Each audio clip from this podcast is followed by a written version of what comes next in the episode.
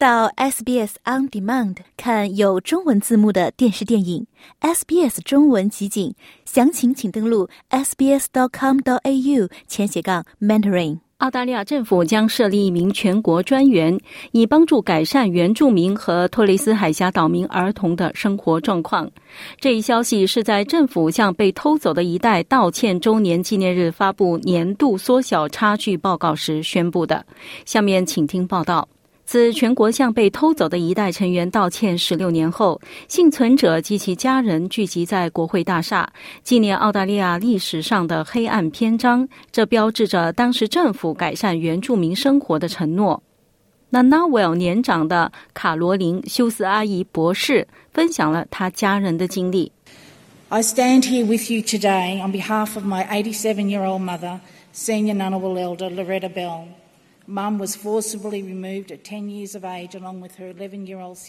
今天我代表我八十七岁的母亲 Nanawel 长者 Loretta Bell 站在这里。妈妈在十岁的时候和她十一岁的妹妹一起被强行从她父母慈爱的怀抱中带走。我的母亲说，她是一名幸存者。所发生的事情是旨在消除她的原住民身份的做法的结果。受到影响的不仅仅是她，还有她的子孙。时任总理陆克文向全国道歉，承认了几代原住民所遭受的苦难。他们在孩童时期就被从家庭中带走，这是一项一直持续到一九七零年代的政府政策。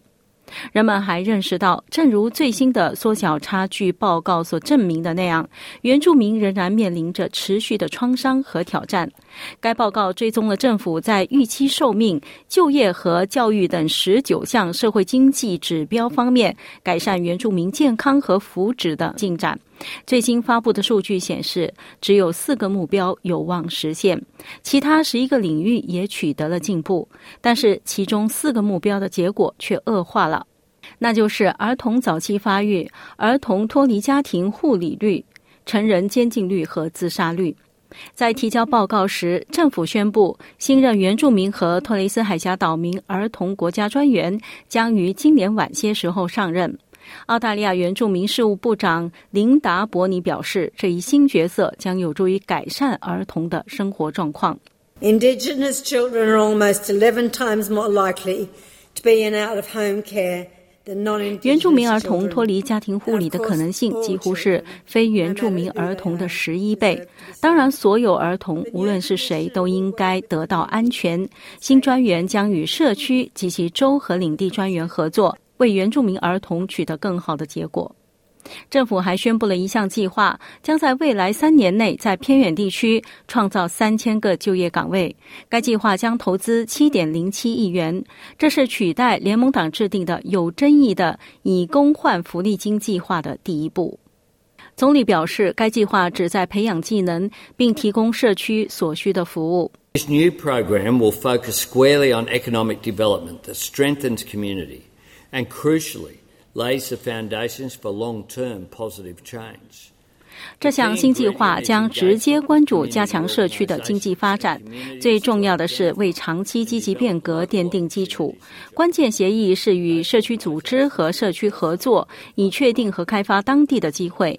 因此，我们让这些组织也将确定做这些工作，并成为雇主的合适人选。反对党领袖彼得·达顿表示，政府需要兑现承诺。他还再次呼吁成立皇家委员会，调查偏远社区儿童性虐待问题，并就对原住民的支出进行审计。与此同时，绿党呼吁立即采取行动，通过提高刑事责任年龄和在监狱引入医疗保险，来解决原住民在刑事司法系统中的劣势。上周，生产力委员会发布的一份措辞严厉的报告警告说，如果不从根本上改变方法，以确保共同政策，那么缩小差距目标注定会失败。近日，总理承认需要进行变革。议会之声的杰出活动家汤姆·卡尔玛也呼吁团结。Now is the time for all members members of parliaments in all jurisdictions to set aside party politics. And to work with Aboriginal and Torres Strait Islander peoples 现在是所有司法管辖区的所有议会成员搁置政党政治的分歧，并与原住民和托雷斯海峡岛民合作，以在未来十年内缩小不平等差距的时候了。听听大多数原住民和托雷斯海峡岛民在公投的过程中告诉你们的话：维持现状以及零碎和不协调的方法是不够的，应该倾听我们的声音，并与我们一起工作。